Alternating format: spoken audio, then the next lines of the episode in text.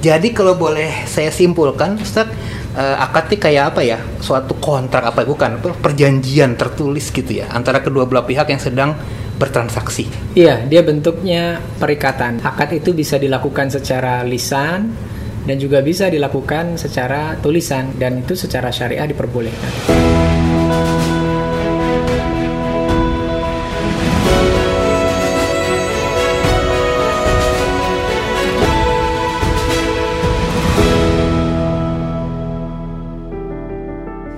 Assalamualaikum warahmatullahi wabarakatuh BMers Ketemu lagi dengan Muamalat Talk dari studio lantai 19 Muamalat Tower Jakarta bersama saya Agung. Kali ini kita akan ngobrol soal tabungan. Mungkin BMers sudah akrab ya dengan produk tabungan dari bank. Jadi teman-teman sudah biasa buka tabungan di bank Dan kalau di bank konvensional pada saat kita buka tabungan ya udah tabungan gitu. Paling yang membedakan ada, ada tabungan yang berjangka ada yang tidak tapi tahukah teman-teman BMR semua bahwa kalau teman-teman datang ke bank syariah mau buka tabungan, maka akan ditanya mau buka pakai akad apa? Akad wadiah atau akad mudarabah. Nah, kenapa nih kok Toto ditanya dua hal itu? Bedanya apa antara wadiah dan mudarabah? Untuk menjawab pertanyaan itu, kita sudah kedatangan pakarnya yaitu Ustadz Ardian Syah Rahmadi sebagai Head of Sharia Compliance and Assurance Bank Muamalat Indonesia. Assalamualaikum Pak Ustadz. Waalaikumsalam warahmatullahi wabarakatuh. Terima kasih sudah berkenan untuk mampir lagi di studio Sama-sama. Muamalat Talk. Nah, ini Ya. mengenai tabungan nih Ustadz. Ya, Ya, jadi mungkin BMers di luar sana masih belum familiar nih kok Toto datang ke bank syariah nanti ditanya akad wadiah atau akad mudharabah. Tapi pertama-tama mungkin pertanyaan saya adalah akad itu apa sih Ustadz? Buka tabungan kok ada akadnya gitu. Terus saya tahunya akad akad, nikah gitu. Gimana Ustadz? Akad itu apa yang dimaksud dengan akad dalam konteks tabungan di bank syariah? iya. Baik, eh, Bismillahirrahmanirrahim. Jadi memang pada prinsipnya kalau kita bertransaksi ya, apa pun bentuk transaksi kita, apakah berjual beli, sewa menyewa ataupun aktivitas apa pun ya di dalam kita melakukan eh, aktivitas ekonomi itu pasti selalu ada akadnya. Jadi tidak mungkin kita melakukan transaksi yang tidak memiliki akad. Nah, tinggal memang kita nanti eh, perlu memastikan akad apa yang kita lakukan. Apa yang dimaksud dengan akad? Akad itu pada dasarnya adalah perikatan di antara dua pihak dengan cara yang disyariatkan yang itu menimbulkan dampak hukum pada objek perikatannya. Jadi kita ambil contoh misalnya, kalau kita berakad jual beli, itu artinya kita memindahkan hak kepemilikan kita. Kalau kita sebagai penjual berarti barang itu akan kita jual kepada pembeli dan itu nanti akibat dari akad itu kepemilikan dari barang yang kita miliki itu akan berpindah. Yang awalnya itu adalah milik kita, kemudian itu akan berpindah menjadi milik orang lain yaitu pembeli. Nah, itu yang dimaksud dengan e, menimbulkan dampak hukum. Nah, tentunya akad ini harus kita lakukan sesuai dengan syariahnya. Jadi artinya e, dengan cara-cara yang memang sudah ditentukan oleh syariat. Bagaimana kita berjual beli, bagaimana kita bermitra misalkan. Nah, termasuk ketika kita mau membuka tabungan simpanan ya di bank syariah, maka itu ada akadnya. Jadi kalau boleh saya simpulkan, Ustaz, eh, akad itu kayak apa ya? Suatu kontrak apa bukan? Perjanjian tertulis gitu ya antara kedua belah pihak yang sedang bertransaksi gitu ya. Iya, dia bentuknya perikatan. Bisa Perikatan. akad itu bisa dilakukan secara lisan dan juga bisa dilakukan secara tulisan seperti itu. Ketika kita eh, membuka rekening di bank syariah, misalkan simpanan ya, eh, nasabah datang ke bank muamalat membuka rekening eh, simpanan nanti ada beberapa ada dua akad ya yang bisa dipilih. Nah, itu nanti akad akadnya dilakukan dengan cara tulisan seperti itu dan itu secara syariah diperbolehkan. Baik. Nah, sekarang saya mau mulai mengupas yang pertama dulu, Ustadz. Akad wadiah. Apa itu akad wadiah dan seperti apa eh, dampaknya untuk tabungan kita? Ya, jadi di produk simpanan bank syariah ya termasuk di bank muamalat itu ada dua jenis akad yang bisa dibuka oleh nasabah. Yang pertama adalah akad wadiah. Apa yang dimaksud dengan akad wadiah? Jadi akad wadiah itu adalah akad titipan di mana nasabah itu menitipkan dananya di bank muamalat seperti itu. Nah, kemudian uh, nanti ketika suatu saat nasabah memerlukan dananya, misalkan akan digunakan untuk bertransaksi, melakukan pembayaran, maka nasabah bisa menggunakan dananya tersebut sewaktu-waktu. Nah, di dalam konsep e, perbankan syariah, dana yang dititipkan itu kemudian oleh bank syariah dengan seizin nasabah itu dipinjam. Ini dalam akad titipan. Jadi di awal nasabah itu menitipkan uangnya kepada bank syariah, maka dengan perjanjian di awal, perjanjian itu ada e, pada saat nasabah membuka rekening titipan dalam formulir itu sudah disebutkan dan disepakati bahwa bank itu boleh menggunakan dana nasabah yang dititipkan. Sehingga dengan demikian akadnya itu dia berubah dari titipan kemudian menjadi pinjaman. Kenapa menjadi pinjaman? Karena dana titipan tersebut digunakan oleh bank syariah nanti untuk aktivitas pembiayaan. Namun dengan perjanjian bahwa kapan pun nasabah memerlukan dana itu akan mengambil, maka bank syariah itu akan mengembalikan dana tersebut kepada nasabah. Itu yang kita sebut dengan uh, akad wadiah. Baik. Titipan berarti bukan masuk ke dalam skema bagi hasil, Ustadz? Uh, tidak jadi karena memang sifatnya adalah titipan yang kemudian dananya dipinjam oleh e, bank syariah, maka ini tidak termasuk dalam skema bagi hasil. Dengan demikian e, nasabah tidak mendapatkan apa pun ya, karena kan sifatnya pinjaman berarti kan? Karena nasabah meminjamkan dananya kepada bank syariah seperti itu. Nah, e, sesuai dengan karakter akadnya karena ini adalah titipan yang dipinjam sehingga akhirnya menjadi pinjaman ya. Maka bank syariah tidak boleh memberikan e, bonus atau hadiah apa pun yang sifatnya dipersyaratkan di dalam akad wadiah ini karena kalau e, bank syariah bank muamalat misalnya memberikan bonus e, uang tunai kepada nasabah dengan persyaratan atau disepakati bersama di awal maka itu termasuk e, ke dalam praktek riba yang dilarang. Nah, oleh karena itu, dalam produk tabungan wadiah ini sesuai dengan fatwa dari Dewan Syariah Nasional, bank syariah ya, bank muamalat tidak boleh memberikan hadiah apa pun bonus misalkan kepada nasabah penitip ya yang memiliki rekening wadiah dengan e, diperjanjikan. Namun sewaktu-waktu kalau kemudian bank ingin memberikan tanpa ada perjanjian berarti ya itu diperkenankan. Tapi dengan syarat tadi ya, tidak diperjanjikan ataupun tidak dikomunikasikan kepada nasabah. Jadi seperti kita menitip sepatu kalau masuk masjid ya Ustadz. Jadi kita taruh sepatu, nanti ya pas kita selesai ya sepatunya kembali gitu ya. Tidak ada penambahan iya, apa pun. Ya, betul, ya. Kita. Betul. Jadi sama seperti kalau kita meminjam uang, maka kalau kita pinjam uang satu juta, maka kita kembalikan pun juga satu juta. Kalau kemudian dengan Eh, keinginan kita sendiri ya tanpa ada persyaratan tanpa ada paksaan kita mengembalikan uang misalkan satu juta pinjaman tadi kita ya, pinjaman kita di awal tadi satu juta kita kembalikan satu juta kemudian kita lebihkan 100 misalnya tanpa ada perjanjian maka itu secara syariah diperkenankan. Baik. Nah jadi biasanya sih orang kalau uh, nabung ingin mengembangkan dananya Ustadz ya Nah, dari orang yang menabung di akad wadiah ini apa keuntungan yang didapat oleh nasabah Ustaz?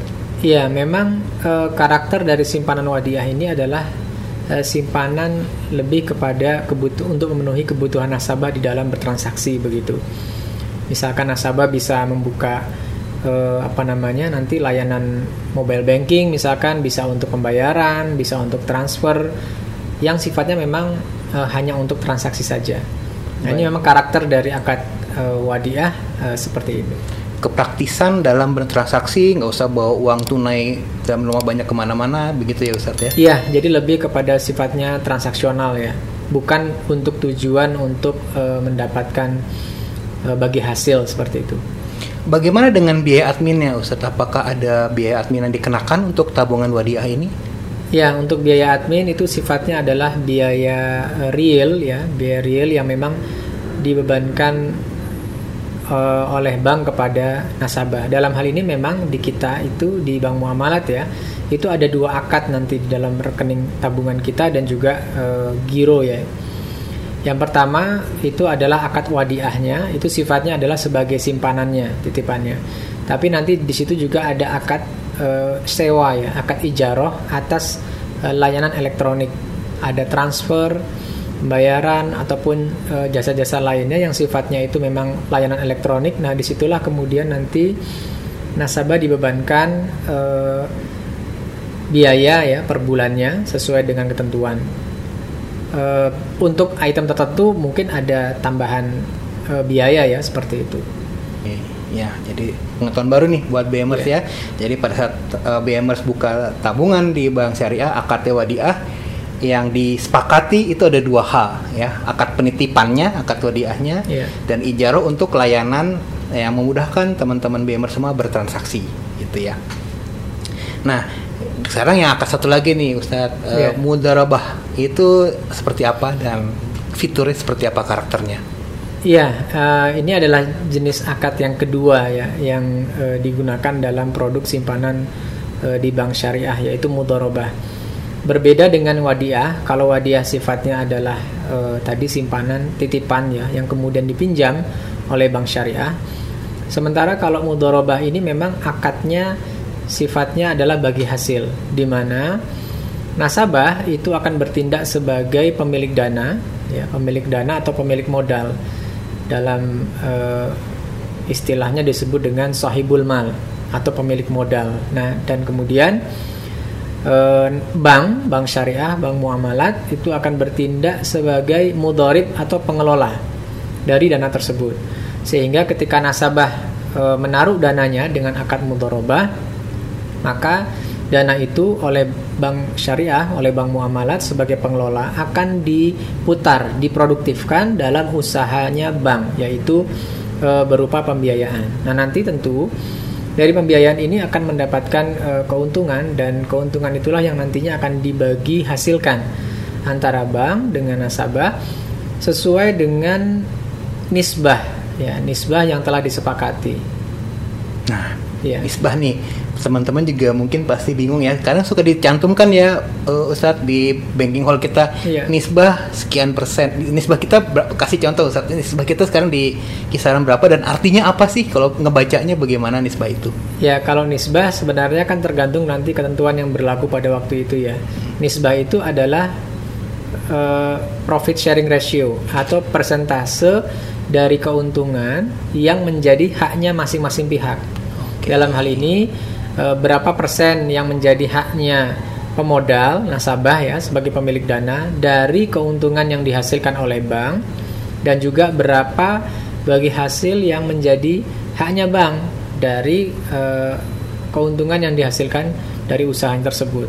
Jadi nanti akan dibagi dua. Biasanya angkanya memang dua, dua misalkan 80 20 begitu ya Ustaz yang itu tertulis tuh ya? tergantung dari kesepakatan. Nah yeah. biasanya nanti pada saat nasabah itu membuka uh, rekening di situ nanti akan tercantum berapa nisbah yang uh, disepakati. Suatu saat ketika akan ada perubahan maka perubahan itu akan diberitahukan oleh uh, bank muamalat dan itu untuk mendapatkan kesepakatan. Karena kan kita berakad ya artinya uh, ketika ada perubahan tentunya itu harus disepakati kembali Baik, jadi uh, yang perlu dicatat oleh teman-teman BMers adalah ini persentase atas keuntungan yang didapat dari hasil usaha bank, bukan iya. persentase yeah. atas dana yang disimpan.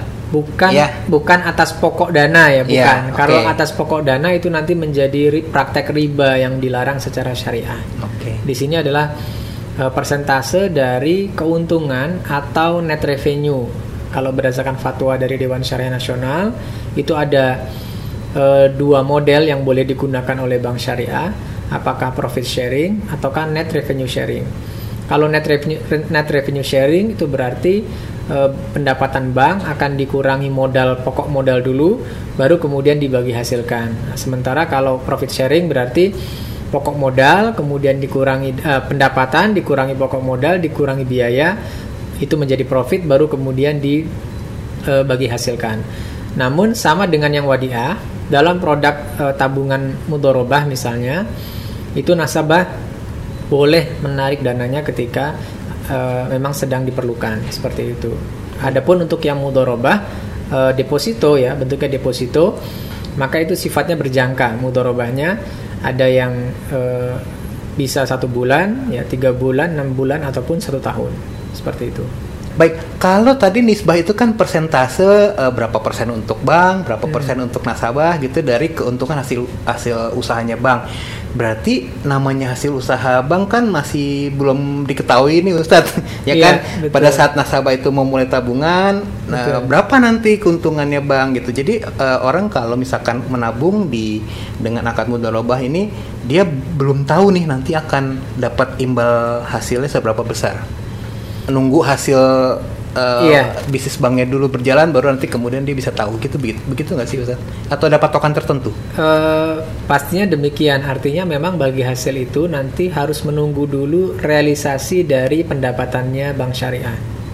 Okay. Jadi uh, semakin besar pendapatan maka bagi hasilnya nasabah juga akan semakin uh, besar begitu. Demikian juga kalau ada penurunan ya berarti dia akan menurun karena memang sifatnya adalah bagi hasil. Nah, namun biasanya eh, bank syariah atau bank muamalat juga bisa bisa memberikan informasi tentang histori ya. Berarti eh, kira-kira kalau tiga bulan ke belakang itu dengan nisbah sekian misalnya berapa rata-rata yang diterima oleh nasabah. Nah, itu bisa diinformasikan tapi sebenarnya hanya sebagai perkiraan. Ya, bukan diperjanjikan bukan ya. diperjanjikan, hanya perkiraan saja. Ini berdasarkan tiga bulan yang lalu seperti itu. Apakah tiga bulan yang akan datang akan sama seperti itu?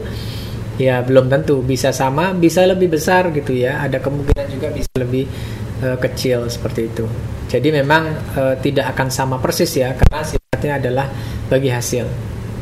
Baik. Jadi jelas ya BMers kalau misalkan sudah jelas dari dua akad, akad wadiah itu akadnya titipan. Jadi BMers tidak akan mendapatkan imbal hasil atau profit sharing dari akad tersebut.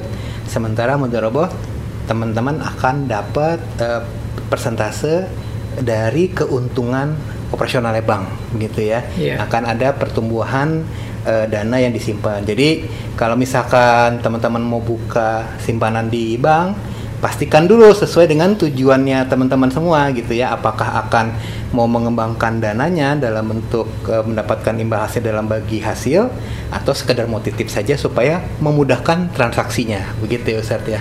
Iya betul. Baik, terima kasih sekali Ustadz atas waktunya. Uh, sudah ya. membantu menjawab, mem memperjelas ya uh, apa namanya perbedaan antara akad-akad yang berlaku di sebuah bank syariah. Terima kasih. Kami harapkan kehadiran Ustadz lagi di pertanyaan-pertanyaan selanjutnya. Sama-sama. Terima kasih. Assalamualaikum warahmatullahi wabarakatuh. Waalaikumsalam warahmatullahi wabarakatuh.